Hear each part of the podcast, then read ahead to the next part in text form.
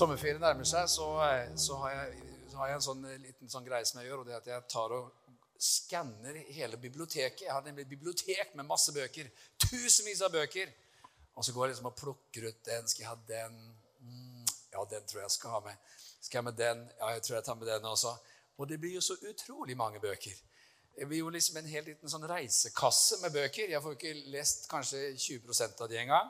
Men det føles godt bare å ha de med. Vet, noen bøker gjør det deg godt bare å se på. Har du tenkt på det noen gang? Nei, ingen som har tenkt på det. Ok, men eh, Jeg kjenner at jeg begynner å komme litt i sommerferiemodus her nå. Men nå skal vi ta oss og lese Guds ord. Og vi skal studere Guds ord sammen. Og vi eh, har faktisk en sånn serie som er sånn innimellom-serie. Det er ikke en sånn hver søndag-serie, men det er en, søndag, en, en, serie som jeg har hatt eh, en del av de gangene hvor jeg har prekt eh, denne, denne vinteren og våren.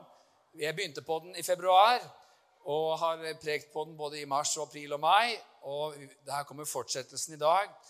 Og Overskriften på det her nå innenfor sommeren kan du tenke deg, det er 'Apostlenes gjerningers økonomi'. Og det er nemlig sånn at, eh, og For deg som da ikke har hørt alle de andre, så eh, får vi, hva skal vi si til det? Vi kan jo selvfølgelig si at det, det burde du fått med deg.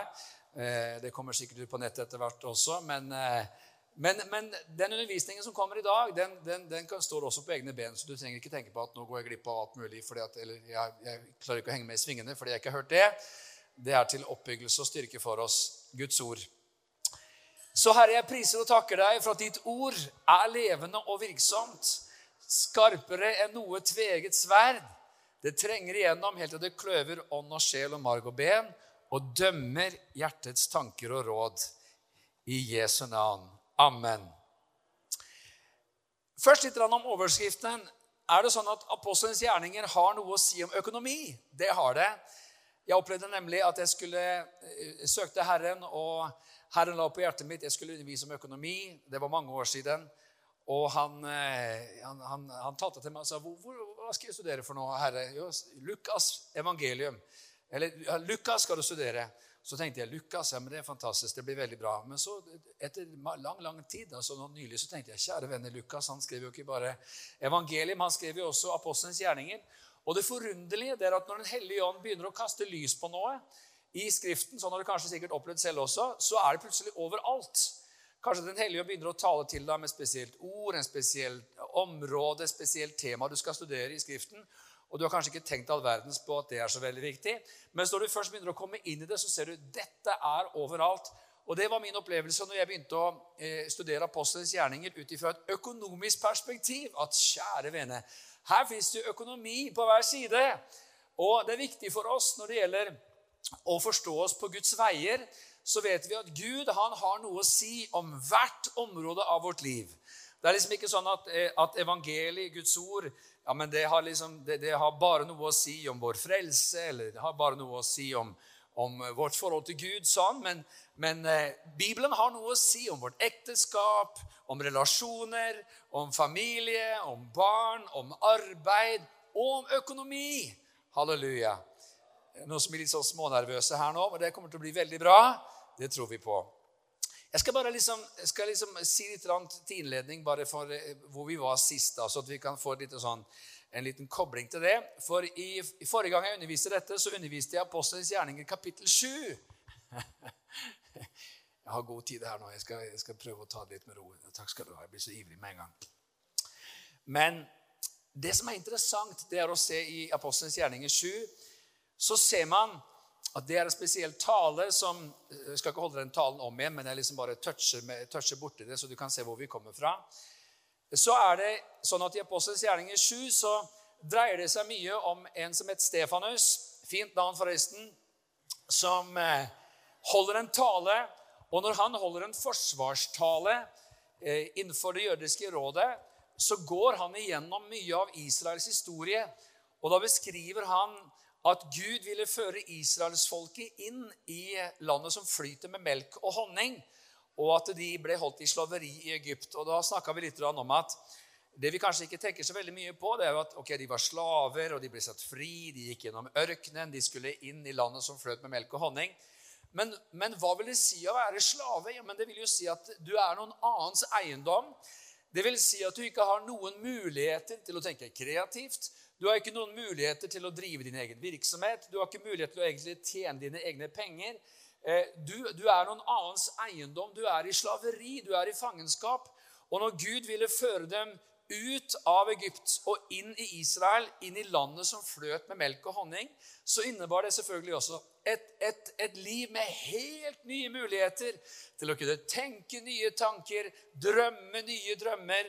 Og Herren han sa om det landet, løfteslandet, i 5. Mosebok 8 vers 7, at Herren i Gud skal føre deg inn i et godt land.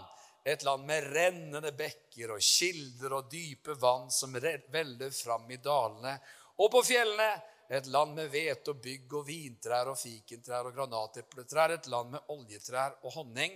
Et land hvor du ikke skal ete ditt brød i armod, hvor du ikke skal mangle noe. Et land hvor steinene er jern, og hvor du kan hogge ut kobber av fjellene. Og når du så eter og blir mett og lover Herren din Gud for det gode landet han har gitt deg, så må du ikke glemme Herren din Gud, at det er Han som har gitt deg dette her, da, sier Herren. ikke sant? Og eh, Hva ser vi her? Jo, at Herren beskriver at det landet han lovet dem, det var et land med fantastiske muligheter til økonomisk vinning, til økonomisk forvaltning, til muligheter. Halleluja. Jeg har lyst til å bare putte inn en sånn liten sånn ting innimellom her eh, i, i begynnelsen. Vet du hva? Vi er så velsigna. Og vet du hva? Vi som lever i Norge i 2019, vi er så velsignet. Det er helt, det er helt Vi forstår det ikke egentlig. Og jeg, jeg, har det sånn at når, jeg, når, når historien, når, når, sommeren nærmer seg så Jeg snakket om bøkene. En av mine favorittgreier hvis jeg virkelig skal slappe av Det er ikke sikkert det er din greie når du skal slappe av, men hvis jeg virkelig skal hvile, så leser jeg historie. og det leser jeg gjerne europeisk historie, eller verdenshistorie, eller kirkehistorie, eller jødisk historie. Akkurat nå leser jeg litt sånn russisk historie. Kan du tenke deg, altså eh, Hva folk har gått gjennom nabolandet vårt? Naboland, Vi har felles grense med Russland. For en lidelse det folk har vært igjennom. Så bare det å lese historie, vår egen nære historie Mange av oss har levd samtidig med at disse begivenhetene har skjedd. Det, det gir sånne perspektiver på tilværelsen. Jeg mener, mener millioner av, av, av russere ble tatt, tatt av, av dage av sine egne ledere. Det er ikke til å fatte og begripe. Så bor vi i Norge, har vi Jesus som Herre, vet vi at vi er på vei til himmelen. Har vi fred med Gud, så bør vi egentlig stå opp hver eneste morgen og bare begynne å takke Gud og si 'takk, Herre'. Det, vet, vi bør være verdens mest takknemlige folk i Norge. Vi, vi, vi bør være fulle av takk. Og, og, Av og til så kan man jo våkne med det benet, eller stå opp med det gale benet. noe som har opplevd det noen gang. Mens hvis man starter med det rette ordet og sier takk, så er det fantastisk hvordan tilværelsen har en tendens til å liksom ses på med andre øyne. Og, og vet, det, det, gjør jeg veldig ofte, faktisk. Bare, vet, det, man kan ha mye å tenke på. Er det noen som har blitt bekymra noen gang? Noen som har falt i den synden noen gang? Blir bekymra? Uff, det er lett å falle i den. Og, og bli bekymra for et eller annet. Mens med en gang man begynner å si takk, å, takk, Herre. Takk for at jeg er hel. Takk for at jeg lever. Takk for at jeg har helse. Takk for at jeg får gå. Takk for at jeg får tenke klart og fritt. Takk for at jeg har frihet til å prise deg. Takk for at jeg har frihet til å feire gudstjeneste. I noen land så er det jo en, en risikosport å feire gudstjeneste, for du kan bli skutt av en sniper på vei til gudstjenesten. Jeg mener, Takk, Herre, for at jeg får spise meg mett i dag. Det er ikke alle som får. Takk for at jeg til og med kan gå ut i en butikk og kjøpe ting jeg trenger. Takk for at jeg har et arbeid å gå til. Altså, Med en gang man begynner å takke Gud og se hva man har gitt, så fins det jo ingen ende på hvor mye godt det er å takke for. Har du sagt takk i dag? Er det noen som har sagt, husket det og sagt takk, takk, Herre?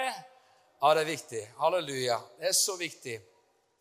Så eh, Nå må jeg passe meg så jeg ikke preker 5. mai-prekenen en gang til. Men, men det vi i hvert fall ser videre ut i kapittel 7, det er altså dette at Herren ville velsigne sitt folk. At han hadde gitt dem enorme muligheter. Og så snakket vi litt om da at Gud det er jo ganske spesielt, han kaller seg for Abrahams og Isaks og Jakobs Gud. Og da er det jo interessant å vite litt om dem. Og når vi da studerte Abraham, Isak og Jakob, så så man at dette var folk som Gud hadde velsignet rikt, også i sin økonomi. Amen. Da går vi inn i kapittel 8. ok? Vi, vi starter i, eh, i, kapittel 8, og vi leser vers 18 nå. Det finnes det veldig mye spennende i Apostelens gjerninger 8. Jeg kan godt få litt mer monitor her oppe, kanskje. Um, og Vi leser om, om hvordan Philip kommer til Samaria og forkynner Kristus, og det blir stor glede der i byen. Og så er det en trollmann i Samaria som blir veldig fascinert av evangeliet. Jeg mener, Han ser mirakler og tegn og under som han aldri har sett før. Og han er en trollmann som selv kalles for Den store. Så folk har liksom virkelig stor eh, respekt for Simon. Og nå, nå, er det interessant at vi lever i et land i Norge hvor dette med åndelighet det er blitt mer og mer i skuddet. Eh, vi har jo en prinsesse som eh, prøver ut alle mulige måter å være åndelig på. Og det er jo en offentlig kjensgjerning at hun har fått en, en kjæreste som er sjaman, heter det seg. Og, eh, så trollmenn fantes det da, og trollmann fins det nå. Så vi får jo be at både altså gårsdagens og dagens trollmenn får bli fascinert av evangeliet. Og det er jo en nød, egentlig, at alle disse sultne sjelene Og jeg har tenkt ofte med prinsessen vår Jeg vet ikke hvorfor jeg kommer inn på henne, men, men kjære Gud i himmelen, må hun få bli døpt i Den hellige ånd. Jeg mener, den, den kvinnen skriker jo etter en opplevelse av Gud. Og så sier ordet også at for den sultne så smaker alt bittert søtt. Så det er jo en tragedie at ikke hun har blitt døpt i Den hellige ånd og kunne tale i nye tunger og få oppleve himmelske syner og visjoner. Og, og, mange er jo de som dras med i det dragsuget ikke sant? Av, av kvinner og menn som er sultne på et eller annet med mening og en opplevelse av det overnaturlige. Og Derfor er det så viktig at vi som er kristne, og som tror på Jesus og som tror på evangeliet, at vi ikke er redde for å snakke om det overnaturlige som vi opplever. Sant? Men du kan, du, du, du kan, jo sitte ved siden av en dame på jobben som bruker masse penger på horoskoper og astrologi og alt mulig, og så sitter du der og taler hemmeligheter med Gud i ånden og tør ikke å snakke om det. ikke sant? Hallo! Det er jo det tungetala kalles for nå. Hemmeligheter med Gud i ånden.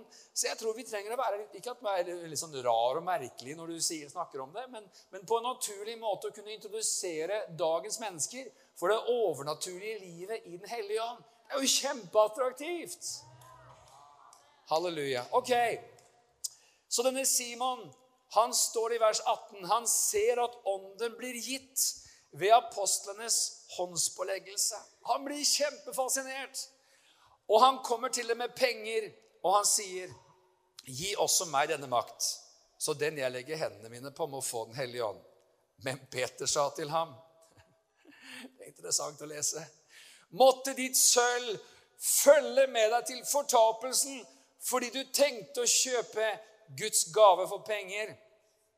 Det er med andre ord ikke sånn at Peter han sier ja, men kjære Simon han er jo nyfrelst. Det er klart at Vi må jo se litt mellom fingrene på ting her. Det er klart at uh, Han har litt huller i læren sin, han Simon. Det er en del ting han ikke har fått med seg. Nei, Peter han går på, altså. Og han sier du har ingen lodd eller del i dette ordet, for ditt hjerte er ikke redd for Gud, rett for Gud. Omvend deg derfor fra denne din ondskap og be Herren om at kanskje ditt hjertes tanke må bli deg tilgitt. For jeg ser at du ligger i bitterhetsgalle og i urettferdighetslenker. Det er ganske heftig. Når vi leser Bibelen med litt sånn humanistiske, sosialdemokratiske norske briller, så kan enkelte ting se veldig brutalt ut. For det er liksom ikke pakket inn i bomull. Det er liksom ikke pakket inn i sånne fine diplomatiske vendinger. Det er rett på. Det er veldig tydelig. Og skal jeg si deg en ting? Det trenger vi. Vi trenger det.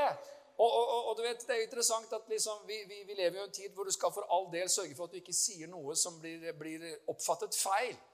Det er jo det verste som kan skje noe menneske, at det blir oppfattet feil. Ikke sant? Og Derfor så er vi jo sånn at når vi ser på nyhetene og vi følger med på politikerne våre, så er de blitt eksperter på å si ingenting. Når de, altså Si noe uten å si noe. Og si egentlig ingenting. Og egentlig så vet du, du Har du, har du liksom noen gang sett en politiker på TV og tenkt Hva sa han egentlig? Hæ? Hva var nå dette her? Jo, på en måte så kan man jo si at det er veldig mange måter å si dette på. og det er klart at Det jeg mener, er jo ikke det som han mente, men det han mente, kan jo sies på veldig mange forskjellige måter. Og på den annen side kan man si det på det perspektivet der, så er det klart at det er jo helt utenkelig at ikke det perspektivet som vi alle har på dette forholdet her, ikke har tatt til hensyn den situasjonen som kunne ha vært oppstått dersom man hadde fulgt de reglene som da ingen fulgte. Fordi, og så sitter man og tenker What on earth? Sånn er ikke evangeliet. Det er deilig. Du vet hva han mener. Du vet hva Bibelen sier. Og det er jo veldig rart at folk liksom til og med tenker at Bibelen er veldig vanskelig å forstå. Bibelen er farlig enkel å forstå. Det er bare det som er litt problematisk, at den er så veldig tydelig.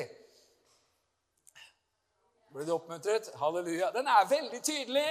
Det er lett å skjønne hva den betyr. Et barn kan forstå hva Bibelen sier når det gjelder å ta imot Jesus Kristus, at det er én vei til Gud osv. Det er befriende, enkelt, tydelig og klart. Og nå skal du høre, Hva er det Simon svarer? Jo, han får jo sitt pass påskrevet, som det heter. Og Simon svarer, 'Be til Herren for meg, for at ikke noe av det dere har sagt, må komme over meg.' Han liksom tenker, 'I'm in deep trouble.' Etter at de nå hadde vitnet og talt Herrens ord, vendte de tilbake til Jerusalem, og de forkynte evangeliet i mange av samaritanernes byer. Hvorfor reagerer Simon som han gjør? Sannsynligheten er stor for at han har fått med seg hva som skjedde i apostlenes gjerninger i den første kristne tid. Forrige gang noen prøvde å få innflytelse gjennom penger. Og det var Peter som da sa til Ananias og Safira liksom These guys are to carry you out. De som akkurat bar ut mannen din, kommer nå til å bære deg ut. Og bang, der lå hun, liksom. Så Simon han vet jo at dette har skjedd, hva? og han tenker bare Oi! I'm in deep trouble! Her kan alt skje! Så han sier bare, be for meg at ikke noe av det du har sagt, skal komme over meg. Det interessante det er at Simon han har faktisk gitt den kristne kirke et ord som har vært brukt gjennom hele kirkehistorien for å beskrive en spesiell greie, og det er ordet simoni. Har du hørt det ordet noen gang? Simoni det står for det å, å misbruke eller å kjøpe eller bestikke seg til åndelige tjenester. Eh, interessant er jo f.eks. at i kirkehistorien så, så, regner man også Simon trollmannen som en av liksom fedrene, eller de som var med på å starte det som ble kalt for gnostisisme. En åndelighet uten karakter, uten å måtte omvende seg, uten å måtte leve hellig, som ble som en sånn en, en, en, eh, hindring mange steder for evangeliet. Eh, det interessante det er at eh, Har dette skjedd i historien senere? Ja, det har det. Jeg leste her i om en, en viss pave.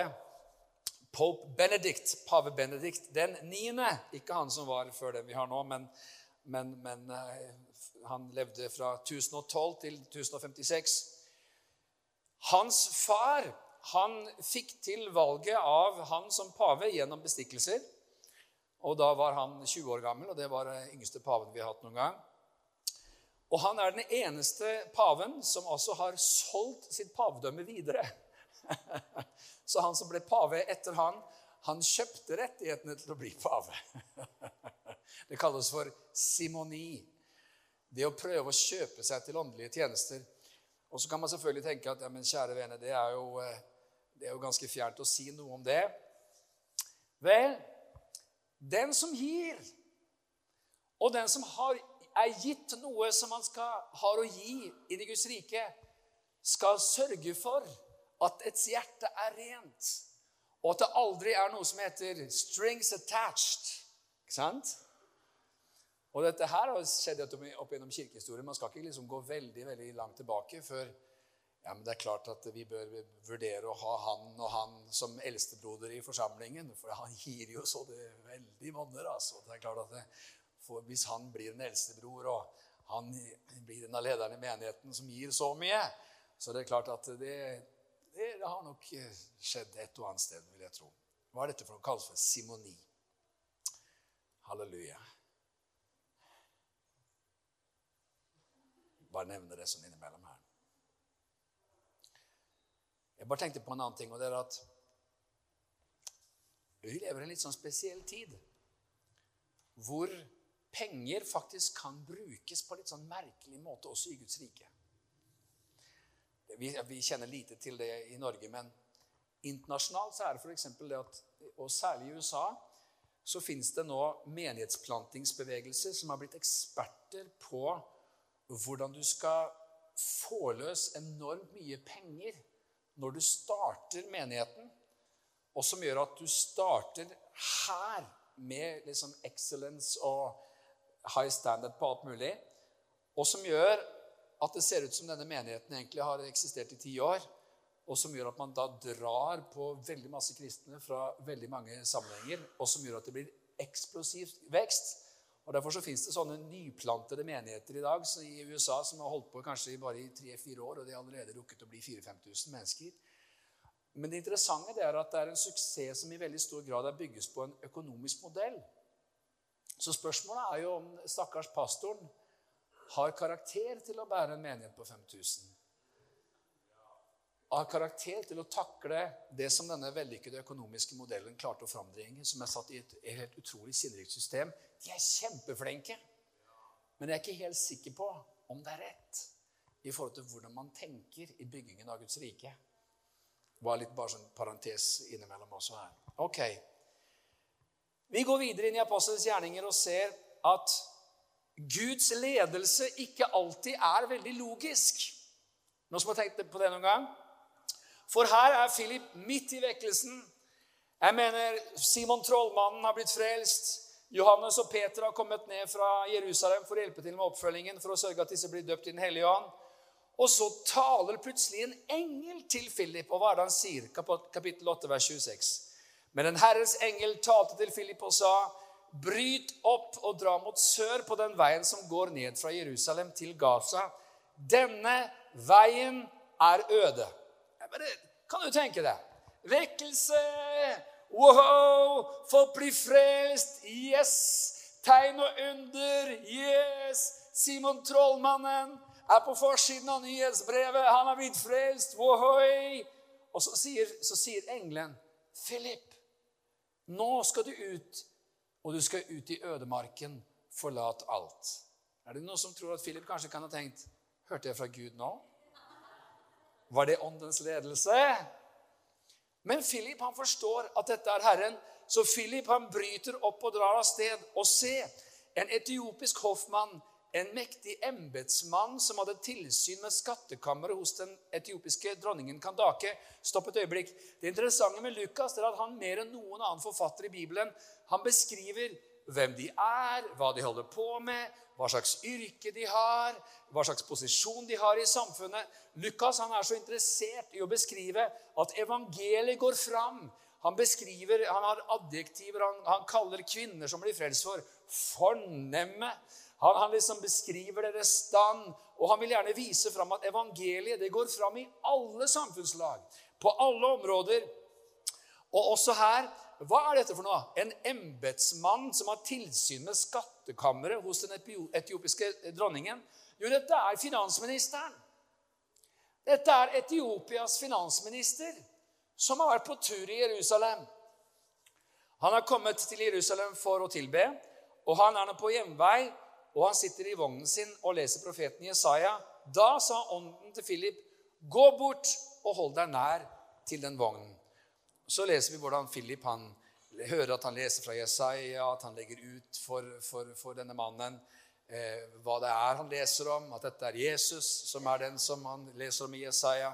Og det ender opp med at finansmannen, finansministeren han sier OK, jeg tror Hva er i veien for at jeg kan bli døpt? Og så ser vi at han lar seg døpe. Men hva er det vi ser for noe her? Jo, det vi kjenner til i historien, det er at Etiopia ble en av de aller, aller første kristne nasjonene. Den har en 2000 år ubrutt historie av kristendom. Hvorfor det? Jo, dels så hadde det å gjøre med at jødedommen var sterk i Etiopia fra før. Det rekker jeg ikke å gå inn på nå. Eh, så når denne, når denne, denne mannen kommer, så kommer han jo som etioper til Jerusalem eh, på pilegrimsferd, så han er en, han er en proselytt, den som har proselytert til jødedommen. Men det vi ser her, det er at finansministeren blir frelst. Og han tar med seg sin, sin kunnskap og sin erfaring og frelser Jesus Kristus tilbake til Etiopia.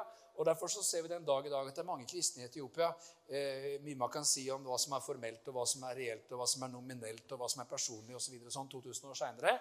Men hva er det vi ser her? Vi ser himmelens strategi.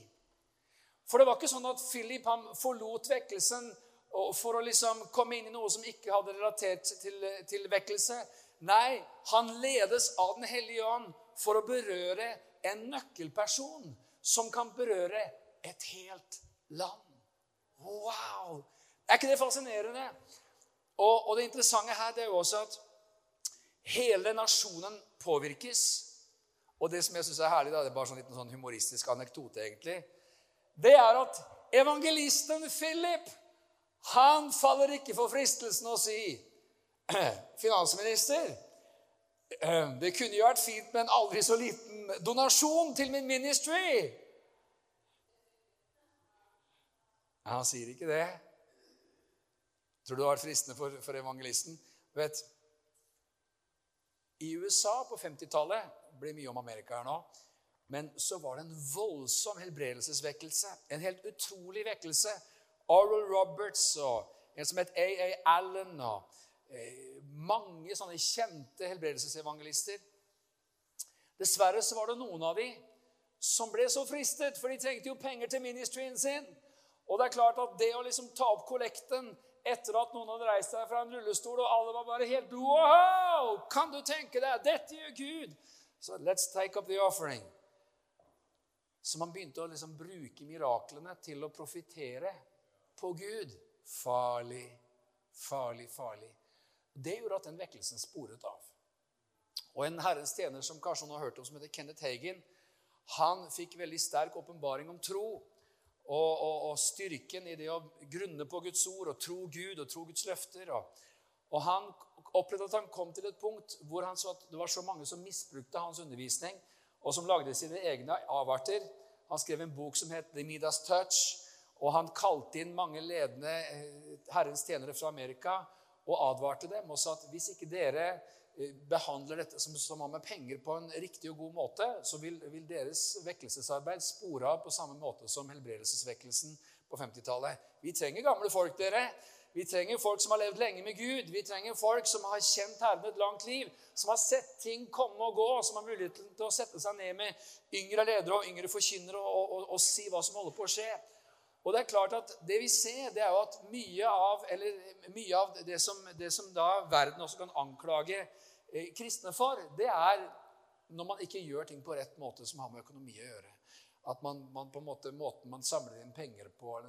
og så sånt. Når det gjelder å samle inn penger til menighetsarbeid og misjon, så skal vi være frimodige. Halleluja. Vi skal ikke være redd for å, å, å, å snakke om penger og undervise om penger. Jeg underviser om penger nå. Men det er så viktig at man har, har, eh, rett forståelse og rett motiv, og at man aldri utnytter posisjoner eller utvider situasjoner på å profitere på, på, på, Guds rike. Det er kjempeviktig. Så, så, det vi ser her, er altså en spesiell situasjon om hvordan evangeliet berører et land fordi at en nøkkelperson berøres. Og vet du hva? La oss tro det, kjære venner, at evangeliet i vårt land det skal berøre gatas folk det skal berøre stoffmisbrukeren, og det skal berøre finansministeren. Det skal berøre samfunnstopper, samfunnsledere. Og Vi trenger å se det i landet vårt. Radikale omvendelser. Og vi tror at Gud kan gi oss det hvis vi begynner å be strategisk og si, 'Herre, vi vil se redaktører bli frelst.' Vi vil se nyhetsredaktører bli frelst. Vi vil se avisredaktører bli frelst. Vi vil se at samfunnsledere, forretningsfolk, toppledere sier 'Jeg har begynt å følge Jesus'. Det er interessant at i nabolaget vårt, eh, nabo, nabolaget, si, nabolandet vårt, Sverige, så er det de siste fem-ti årene blitt en hel del veldig kjente mennesker som har blitt, har blitt frelst. Og, og, det er bl.a. en del journalister som har blitt frelst, og som har skrevet fantastiske bøker om Jesus. Er ikke det herlig? Vi, vi vi kan be om hva vi vil i bønnene våre. Og vet når vi har day and night her, Nå er det sommerferie, men vi gleder oss til oppstart igjen. Og vi gleder oss til flere bønnemøter. La oss begynne å be om det konkret. Ja, vi, vi, er jo her bare liksom noen, en liten kilometer fra regjeringskvartalet. La oss begynne å takke Herren for at samfunnsledere, toppolitikere de, eh, Jeg reiste jo med evangelist Arild Edvardsen i ti år, og han hadde en sånn setning det var Evangeliet hører til i førersetet. Det skal ikke være i baksetet, det skal være i førersetet. Evangeliet det, det, hører med til liksom der hvor det skjer. Amen. Det skal ikke være i en bakgård. Det skal være langt oppe og langt framme. Ok, vi går videre. Men jeg, ja, det er så fascinerende her. Bare som parentes når vi kommer til Apostelens gjerninger 13. Det er en stund til enda, men Den første navngitte som får høre evangeliet på Paulus' misjonsreise, er guvernøren, landshøvdingen, Sergius Paulus på Kypros. Ok, I kapittel 9 så leser vi noe spesielt. Vi går til vers 36. Det er nemlig sånn at I apostlenes gjerninger så møter vi på ganske mange kvinner. Og vi møter på de som kalles for fornemme kvinner. Og vi møter faktisk på en hel del forretningskvinner. Og det her er et herlig studium som vi egentlig ikke har sett, sett nok på. At, at, mange av de som er nøkkelpersoner i, evangeliets første tid, det er driftige forretningskvinner som tjener Jesus med det de eier. Og når, når Peter da kommer til eh, Jaffa, vi leser i vers 36 I Jaffa var det en kvinne som var disippel. Hun het Tabita, på gresk Dorkas. Hun var rik på gode gjerninger, og hun ga mange almisser. Hva, hva, hva er dette her for noe? Altså, Hvorfor i alle dager bruker forfatteren tid på å beskrive hvem hun er, og hva hun gjør, og hva hun holder på med. Altså Det står her at hun var rik på gode gjerninger. Hun ga mange almisser. Det er jo det er veldig spesielt. Tenk om noen skulle skrive det om, om, Jesus Church. Ja, jeg kom til Jesus Church, og der møtte jeg prikk, prikk, prikk, og vedkommende ga mye i kollekten. Det Lukas skriver her, da, med litt sånn andre ord bare. En disippel. Hvorfor det? Jo, fordi det er en gave. Det er en nåde. Jeg ligger akkurat på firegrensa her, så du må dra meg litt ned. tror jeg, eller finne på et eller annet. Det er en tjeneste å gi. Amen. Akkurat som det er en tjeneste å be for syke, en tjeneste med barmhjertighet, en tjeneste å undervise Guds ord. Akkurat som det finnes spesielle nådegaver til å helbrede, selv om alle kan be for syke så er vi alle kalt til å gi, men Gud har også gitt nåde, gaver, til å gi. Vi leser om det i Romerbrevet 12. Vi hopper inn dit midt i apostelens gjerninger. Romerbrevet 12 og vers 6. Alt etter den nåde som er oss gitt, har vi ulike nådegaver. Om noen har profetisk gave, skal han bruke den i samsvar med troen. La den som har en tjeneste, ta vare på tjenesten. Den som er lærer, må ta vare på lærdommen. Den som formaner på formaningen, den som deler ut gaver, må gjøre det med redelig sinn. Den som er forstander, må være det med iver. Den som øver barmhjertighet, må gjøre det med glede. Hva står det her? Jo, at det, det å dele ut gaver Det står altså i sammenheng med at Gud gir nåde. Jeg leste akkurat en bok som jeg kjøpte i USA, som var veldig interessant, eh, om en som het eh, David Green, var det vel han het. Han, han, startet en virksomhet som heter Hobby Lobby. Jeg vet ikke om noen har hørt om det der, men Hobby Lobby. Som er eh, ja, Hobby Lobby, det, det sies litt i navnet. Det du vet, du vet, det er en sånn butikk som selger alt mulig rart. Alle mulig rart, alt, alt, alt mulig slags småtterier. Og eh, Som starta med en butikk, og starta med 600 dollar i kapital. Og i 1973, tror jeg det var, 1974 og han beskriver, så, altså, han beskriver om sin oppvekst. Kjempemorsomt å lese. Altså, Hans foreldre de var så opptatt av at alt det som er Guds, hører Gud, det som hører Guds til, det skal Gud ha. Og de var, de var egentlig et veldig sånn enkelt hjem, og de var avhengig av at Gud velsigna dem. Foreldrene var predikanter, og, og, de var liksom avhengig av at folk velsigna dem. Og du vet, Pappaen til han forretningsmannen han var så nøye på at han ga tiende at hvis noen ga han en kilo jordbær, så tenkte han ja, ja, eh, en kilo jordbær koster 30 kroner. Da får jeg gi tre kroner ekstra i kollekten. Sånn tenkte han. For nå hadde jeg fått en gave som har vært eh, så og så mye, så da fikk jeg liksom sørge for at tienden kom videre til Herren. Og det som er fascinerende, da, det er å lese den reisen med, med, med hobbylobby. Altså, De har bare gjort, de har brutt alle regler i Amerika. ikke sant? De er ikke oppe på søndag. Alle konkurrenter har oppe på søndag. Eh, de folk, de, de, har, de har oppe mye kortere enn det andre har, for de vil at folk skal komme hjem til familiene sine. Så videre. Eh, de gjør ting som man egentlig ikke skal gjøre, for det bryter liksom med kundegrunnlag og alt mulig. Men han ble så provosert egentlig at, eh, at, at, ingen egentlig tenkte på hvorfor man feiret jul. Og, og, og liksom at man begynte å liksom kalle det bare for the holiday season. Og, så da, ja, men Vi rykker inn eh, helsides annonser i alle aviser i hele Amerika der hvor vi har butikker, og skriver at eh, så høyt har Gud elsket verden at han ga sin eneste sønn. og Derfor så feirer vi jul, og vi ønsker at dere alle sammen eh, får komme til tro på Jesus Kristus. og Hans konkurrenter sier, 'Hvorfor i alle dager hva holder dere på med? Dere skremmer jo kundene.' Ja, ja, vi får kanskje skremme en kunde eller fem. Det går greit. Men det her har vi lyst til å høre. Altså, Bryter alle mulige regler på den måten. Og Gud har velsignet det så rikt.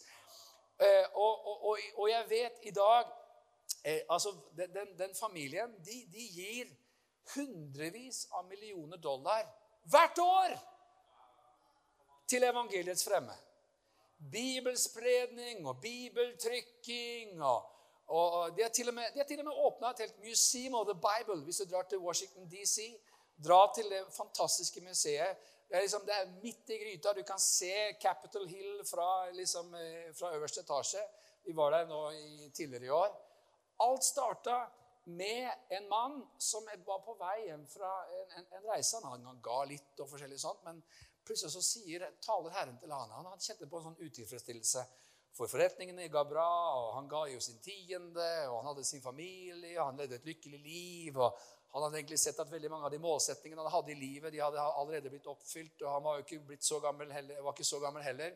Og så, så kjenner han at Den hellige ånd talte til han og sa nå skal du gi 30 000 dollar det var på en tidlig 70-tall da, til, til den, den, ministryen som driver med bibler, eller hva det var. Og han liksom bare tenkte 30 000 dollar? Det er jo kjempemye. Enorme penger. Det var bare helt voldsomt. Og han fikk ikke fred før han, før han eh, ga, ga det. Og, og, det begynte på en sånn reise hvor han oppdaget at grunnen til at jeg gjør alt dette, grunnen til at jeg holder på med alt dette her, det er at jeg har en gave i å gi. Jeg har fått en nåde fra himmelen til å gi. Halleluja. Vet, det er litt sånn gøy å snakke om sånne ting, for det er litt unorsk. Men så er det egentlig ikke unorsk, for det er midt i norgeshistorien. Dette er Hans Nilsen Hauge. Jeg mener, Kan du tenke deg vekkelsen i Norge? hvor, hvor de vekte.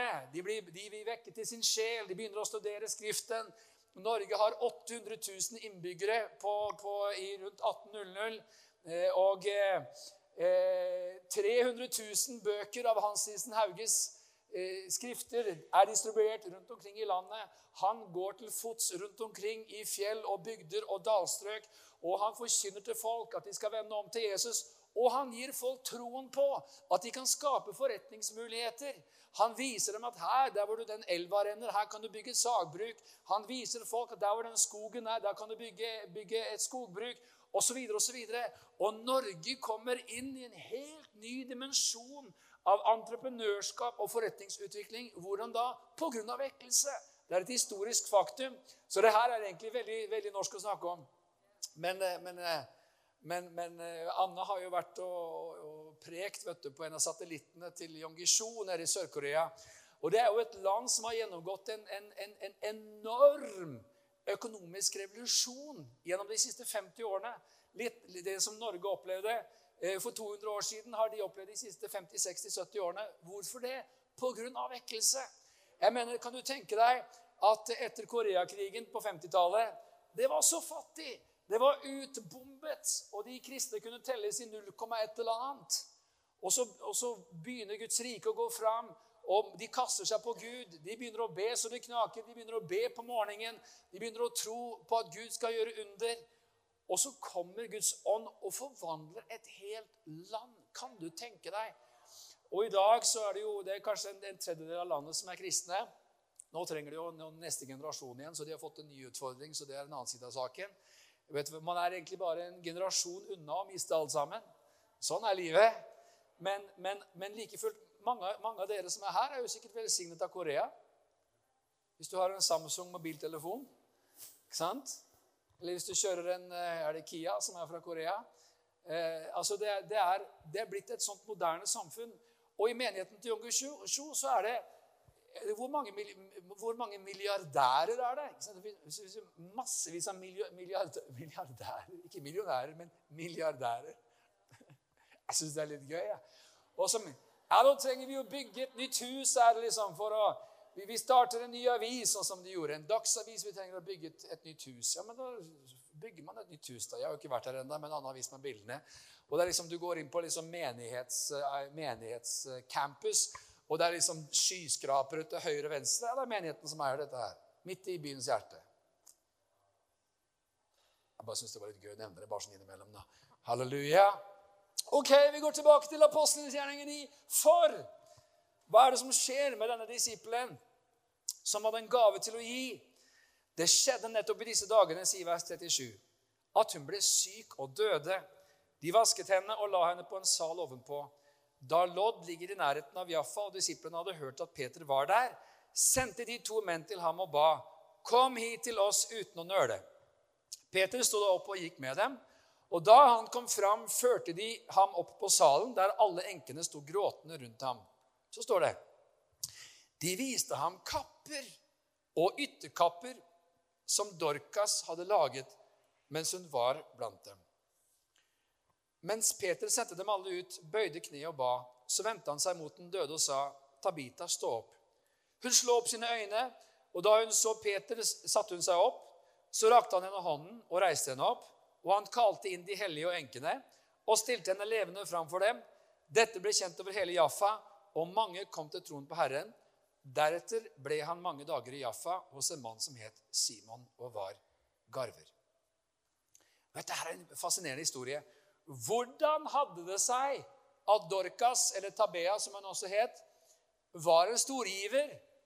Ja, men Det hadde jo sammenheng med at hun drev en business i klesbransjen. Du vet, Av og til så kan man lese, lese eh, Bibelen med på en måte litt sånn, sånn kananspråkbriller, ikke sant? som gjør at man ikke ser det det egentlig står.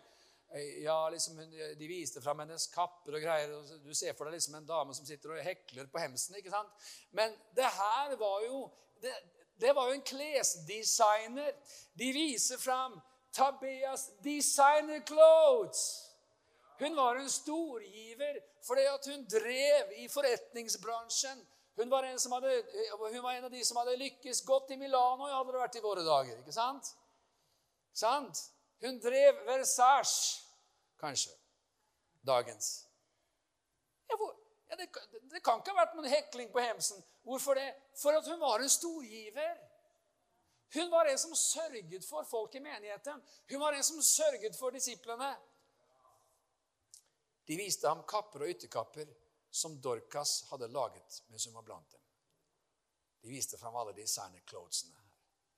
Så det vi ser her, det er at det er én kvinne som er viktig for Guds rike, for menigheten, og her skjer det motsatte av det som skjedde med Ananias og Sofira. De misbrukte penger, og Herren sendte dem inn i evigheten før tiden. Og her er det motsatt. Her er det en som har en gave til å gi, og som Herren vekker tilbake til livet. Det er akkurat som alt sammen reverseres. Jeg syns det er fascinerende. Jeg syns det er herlig. Wow! Og de hellige og de enkene, alle de som blir velsignet av Tabeas givertjeneste, er en da som, som får oppleve dette miraklet. Var det sånn at hun fikk oppleve dette miraklet fordi hun var storgiver? Selvfølgelig ikke. Hun fikk oppleve dette miraklet fordi Gud er Gud, og fordi at han gjør tegn og under. Og fordi at han kan vekke opp både den, den eh, Lasarus ikke sant? fra Betania og klesdesigneren fra Jaffa. Så det har ikke noe med det å gjøre. Men poenget er at vi ser et perspektiv at mennesker var kalt av Gud til å gi, til å velsigne. Og så skal vi ikke se mer på det, men står, det står videre her med at Peter tar inn hos Simen garveren. Eh, en garver er jo en som bearbeider skinn, som, som lager lær av dyrehuder. og Så man skjønner da kanskje konturen av at i Jaffa så var det et miljø med håndverkere og et miljø av folk som drev business. Og Peter han er sammen med disse. Og det er midt i vekkelsen, og jeg skal avslutte med å si dette. Og det er følgende Hva er det vi ønsker å si gjennom denne, denne undervisningsserien?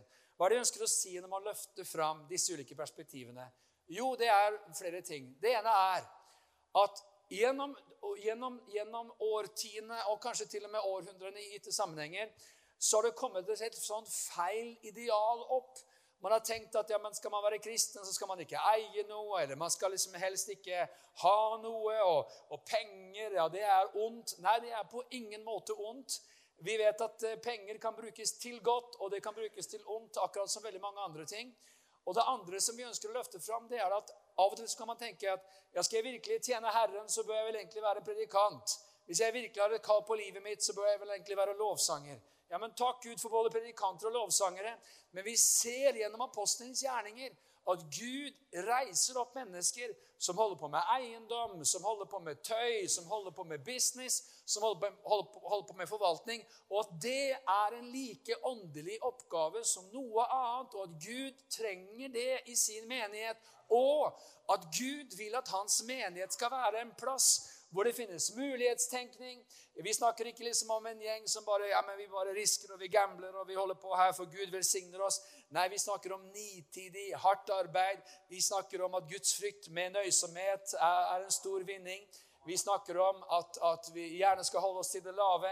Men vi ser også at det fins noe i Gud som Gud vil at vi skal løfte fram. Og Jeg fikk et ord fra Herren innenfor dette året her, 2019. A year of financial breakthrough. Et år av økonomisk gjennombrudd.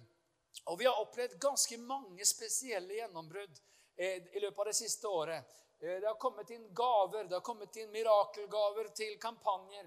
Vi har fått inn gaver fra USA til misjonen. Vi har fått inn gaver som har vært større enn vi noen gang har fått før. Eh, og det har vært det året som Herren talte til oss, som at det var et year of financial breakthrough. Men kanskje er det også sånn at det her innebærer at Gud får fylle mennesker i forsamlingen med tanker, med ideer, med vyer om forretningsdrift. Og at Gud kaller mennesker til å være med på å gi og så. Og vi tror jo virkelig at Guds menighet, et sted som priser Gud, opphøyer Herren, hører Guds ord, skal være et sted som er fylt av kreativitet. Hvor vi fylles med kreative tanker, vi fylles med nye ideer. Og noen kan tenke her er jeg helt fjern for meg. Mens andre kan tenke yes, det her tror jeg Gud kaller meg til. Kanskje det her tankene jeg har fått som jeg tenker kan det være Gud, er det ikke Gud? Kanskje det er Gud som vil at du skal se at du kan tjene Herren som en forretningsmann, forretningskvinne. Du kan tjene Herren med de gavene som Gud har gitt deg, og at det er viktig i Guds rike. Amen.